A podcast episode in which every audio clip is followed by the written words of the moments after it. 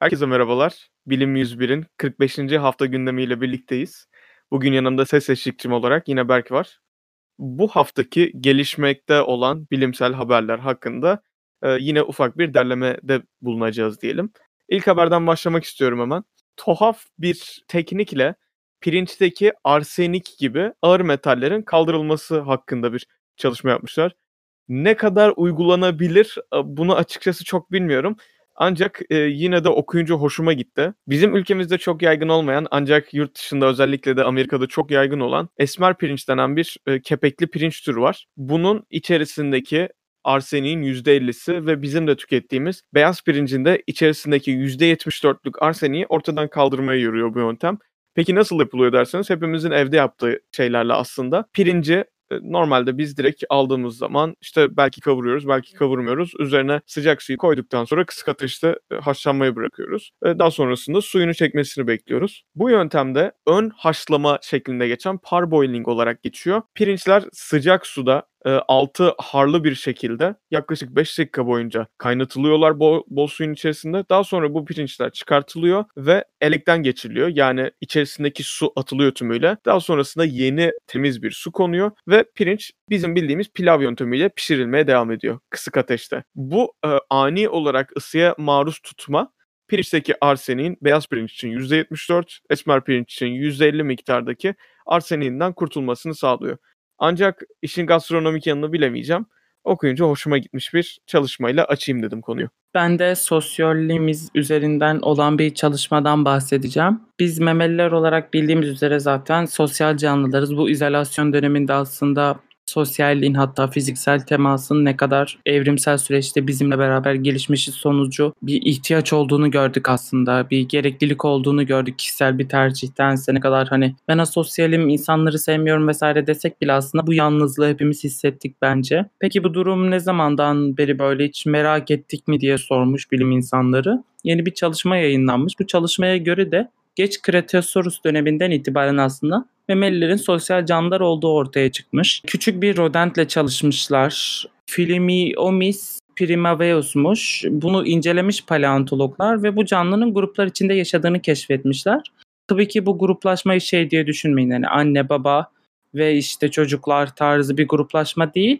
İncelendiği zaman aile fertlerinin dışında böyle akrabalık ilişkilerinin de dışında aslında farklı aktiviteler e, gerçekleştiriyorlarmış beraber ve farklı yaşlardan hem yetişkin ergin bireyler hem de genç bireyler bir arada bulunmuş ve bunlarda genetik analiz yapıldığında kalınan kalıntılar üzerinden bunların aslında bir akrabalık ilişkisi aynı aileden gelmediği bulunmuş ama beraber yaşıyorlarmış. Yani sadece ailesel durumlardan dolayı beraber değillermiş. Kültürel aktiviteler gerçekleştirdiği için aslında en eski tarihlendirilmiş olan sosyal etkileşimleri gözlemiş olduk şu an.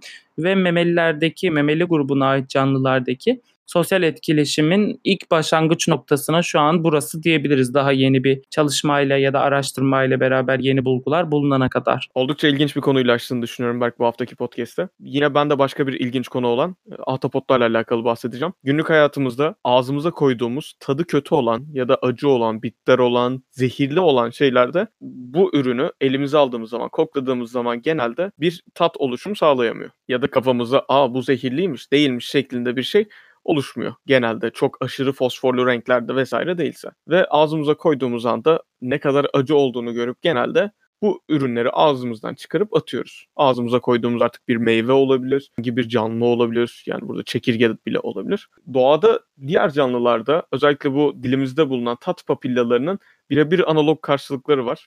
Bir tanesi de işte ahtapotlardaki. Tabii ahtapotlar suyun içinde bulunduğu için bizdeki gibi bir tat papillası oluşma durumu yok. Aynı zamanda bizde bulunan olfaktör yani koku alma organları da suyun altında e, mükemmel bir hassasiyetle çalışamıyor. Daha uzak mesafelerde daha iyi koku almayı sağlasa bile biz herhangi bir kahveyi ya da yiyeceği burnumuza doğru götürdüğümüz zaman ya da ağzımıza koyduğumuz zaman hmm deyip nefes almamızı, böyle kokusunun ne kadar güzel olduğunu hissetmemize rağmen suyun altında işler bu şekilde yürümüyor ve bu hayvanların e, tat alabilmesi için bir ağız sistemine ihtiyacı var. Ancak ağız sistemlerini bu şekilde geliştirmemişler.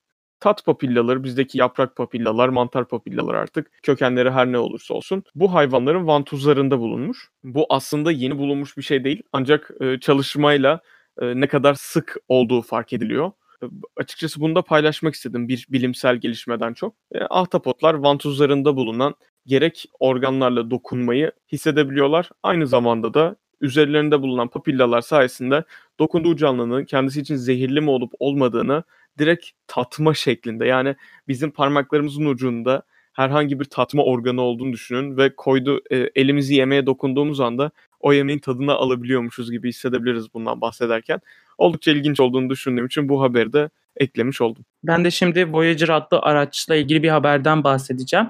Aslında bu bizim insanlık olarak en uzağa yollamış olduğumuz iki araçtan birisi. Zaten diğeri de Voyager 1. Belki fotoğrafını görmüşsünüzdür. NASA çok eskiden yollamıştı. Yalanı not aldım birazdan söylerim. Üzerinde böyle bir disk falan var. İnsanın anatomisi var. Her dilden ses kaydı var. Türkçe de vardı galiba. Selam, merhabalar, efendimiz, aleyküm selam mı o tarz bir şey diyordu. Çünkü bayağı eski bir ses kaydı.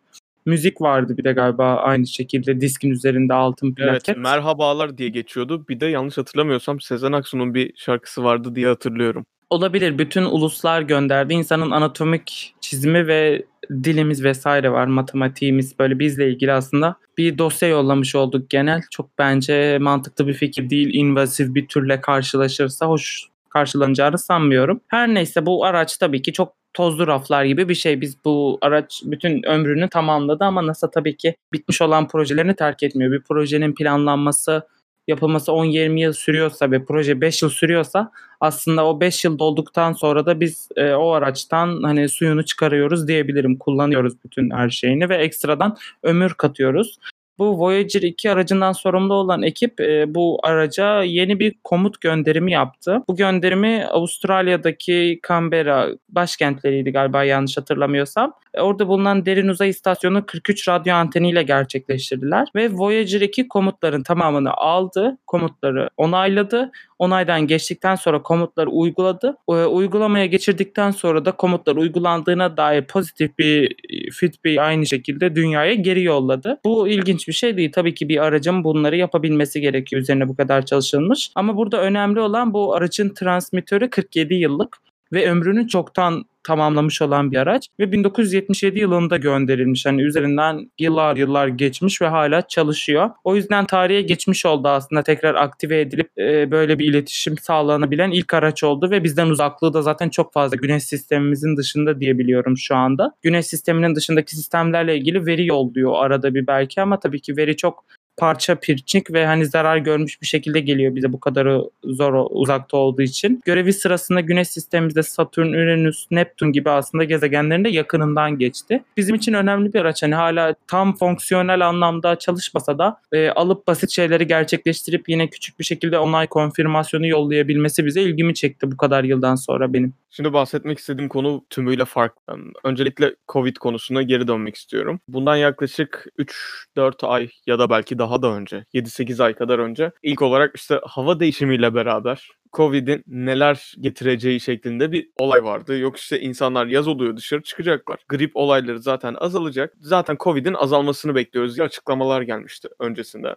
Daha sonrasında Ağustos ayı gibi ah tekrardan havalar soğuyacak. İnsanlar kapalı ortamlara girecekler. Covid artacak şeklinde ıı, çıkarımlar vardı. Dünyadaki verilere baktığımız zaman böyle bir şey yok zaten. Ve bununla alakalı bir derleme çalışması şeklinde bilgilendirme yapıldı. Sıcak havanın ya da soğuk havanın Covid'in bulaşıcılığıyla alakalı herhangi bir bağıntısı olmadığı yayınlandı. Keşfedildi demeyeceğim çünkü yani zaten farkındaydık. Sadece bu bilimsel olarak bir literatüre eklenmiş oldu diyebilirim. İkinci bahsetmek istediğim konu Covid ile alakalı açıkçası birazcık böyle saç baş yoldur, yoldurtan cinstendi benim için. 30 Ekim tarihli bir çalışma okudum geçen gün. Reddit'te dolanıyordum. İşte böyle bilimsel olarak bir şeyler yayınlamışlar. Aa dedim bu nedir? İşte başlığı gördüm. İşte hipoksi olayına girmişler. İşte maske taktığımız zaman yeterince hava, yeterince oksijen alabiliyor muyuz diye. Yani bunun cevabı bende zaten net. Tabii ki alabiliyoruz. Ama dedim ki bir gireyim okuyayım. Okumaya başladım. Henüz daha ikinci cümlede şöyle bir yazı geçiyor. Türkçesinde. N95 o tipi olmayan yani bizim günlük olarak kullandığımız maskeler koronavirüse karşı koruduğu şeklinde belirtilmiştir. Yani Bu kanıtlanmıştır şeklinde geçiyor ve kaynak da hemen altına vermiş. Dedim ki ben bunu okuyunca Allah Allah yani maskelerin koronavirüse karşı koruduğuna dair şu ana kadar yapılmış hiçbir çalışma yok. Bu adamlar nasıl bunu yapıyorlar? Hani ne, neye dayanarak koymuşlar? Daha sonrasında çalışmaya giriyorum.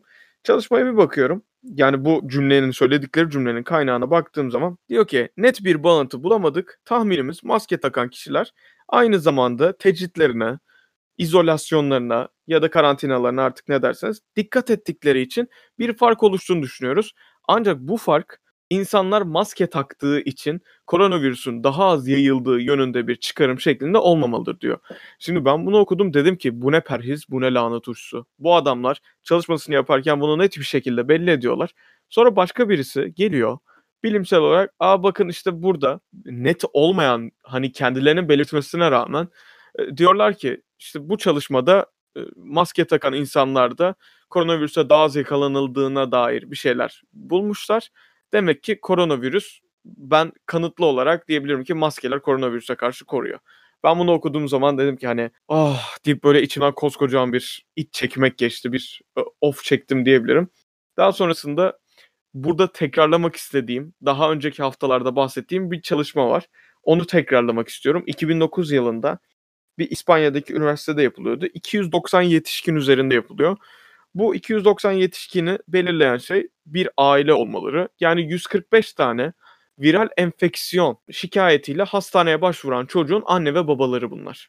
Yani totalde 145 tane ebeveyn üzerinde yapılıyor bu çalışma. Bu çocuklarda gerek H5N1 gibi işte domuz gribidir, kuş gribidir, daha sonrasında sezonluk virüsler olabilir, rinovirüsler olabilir. Bunun gibi viral hastalıklar üzerinde bir çalışma yapmak istiyorlar. Ve diyorlar ki biz bu 290 kişiyi ayıralım. 92 tane ebeveyne maske taktıralım. 52 tane ebeveyne de maske taktırmayalım. Çünkü bu 92'ye 52 olmasının sebebi de hani grupları hemen hemen e, aynı şekilde eşit ayır, ayırmaya çalışmışlar. Bu maske takan grubu da kendi içerisinde ikiye ayrılıyor, ayır, e, ayırıyorlar. Ve ikiye ayrılan grupta da şöyle bir tembihte bulunuyorlar. Bir gruba maskenizi çok düzenli bir şekilde takmanız, çok düzgün bir şekilde takmanız ve mümkünse yemek haricinde çıkartmamanız şeklinde belirtiliyor. Uyurken dahi takmasını istiyorlar. Geriye kalan bu 92'nin yarısı olan yani 46 kişilik yetişkin ebeveyn grubuna da diyorlar ki maskenizi mümkün olduğu kadar takmaya özen gösterin. Bu çalışmanın sonucunda hemen burayı özetleyeceğim. İsteyenler zaten kaynakçadan bakabilirler. Maskenin insanları viral hastalıklara karşı koruduğuna dair bizim kullandığımız P2 türündeki maskelerin ya da non-surgical olarak geçen cerrahi, tıbbi olmayan maskelerin koronavirüs gibi herhangi bir viral hastalığa karşı koruma sağladığına dair hiçbir olumlu sonuç bulunmuyor. Yaklaşık olarak oran %2'nin altında kalıyor ki bilimsel olarak bir ilacın, bir maskenin ya da herhangi bir yöntemin işe yarayabilmesi için gereklilik oranı %95'tir. Maskede %2'nin altında bulunduğu için zaten ben okuyunca da direkt hani bu ne ola ki şeklinde bakmıştım. Maskeler işe yaramıyor. %2 çok ufak bir oran diye almaya başlamıştım ve o günden itibaren de dışarı çıktığım zaman maske takmayı sadece bir maddi zorunluluk yani ceza yememek için bir zorunluluk haline getirdim. Asıl yapmaya çalıştığım olay tümüyle izolasyonumu korumak, sosyal mesafeme dikkat etmek ve mümkün olmadıkça gereksiz insanlarla temas riskinde bulunmamak üzerineydi. Bunu tekrardan bir tekrarlamak istedim dinleyenler için. Benim son sözüm buydu. Yani aslında maske sosyal bir ortamda ortamdaki havanın aslında bize izolasyonunu sağladığı için orada bir katkı sağlıyor. Ben de şimdi bir ISS ile ilgili olan bir gelişmeden bahsedeceğim. Nasıl bu Voyager'ın bir ömrü varsa Uluslararası Uzay İstasyonu'nun da bir ömrü var. 20 yıldır zaten hani ISS yörüngemizde ve insanlar gidip geliyor. İnsanlar dediğim tabii ki astronotlar ve görevli olan bireyler. 3.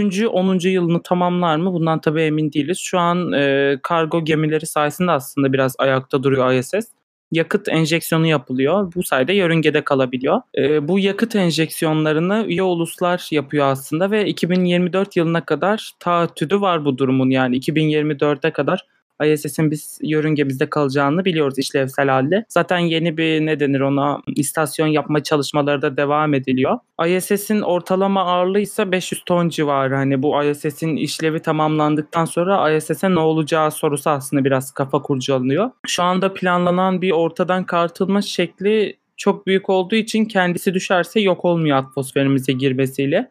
Bu yüzden yakıtının bir kısmını yakarak aslında alevlendirerek e, parçalatıp küçük parçalara ayırıp bu parçalanmış haliyle bir kısmının atmosfere sokmak istiyorlar ve okyanusa düşürmek istiyorlar ama tabii ki hesaplamalar yaptıklarında ISS'in şeklinden dolayı kontrollü bir düşüş yapamayacaklarını görmüşler. Çünkü o böyle bir futbol sahası büyüklüğünde boyu var ama bir çubuk gibi de bir yandan. Atmosfere girdiğinde dönme hareketi yapması dolayısıyla ve biz bunu simüle edecek bir altyapıya sahip olmadığımız için nereye düşeceğini bilmiyoruz. En kötü ihtimalle aslında bir asteroid düşüşüne benzer bir yok oluş oluşturmasa da bir uçak düşmesi e, Amerika'daki 9 Eylül 9 Eylül mü oluyor 9/11? 9 ay 9 Eylül Aynen. 11 Eylül. 11 Eylül oluyor 11 Eylül.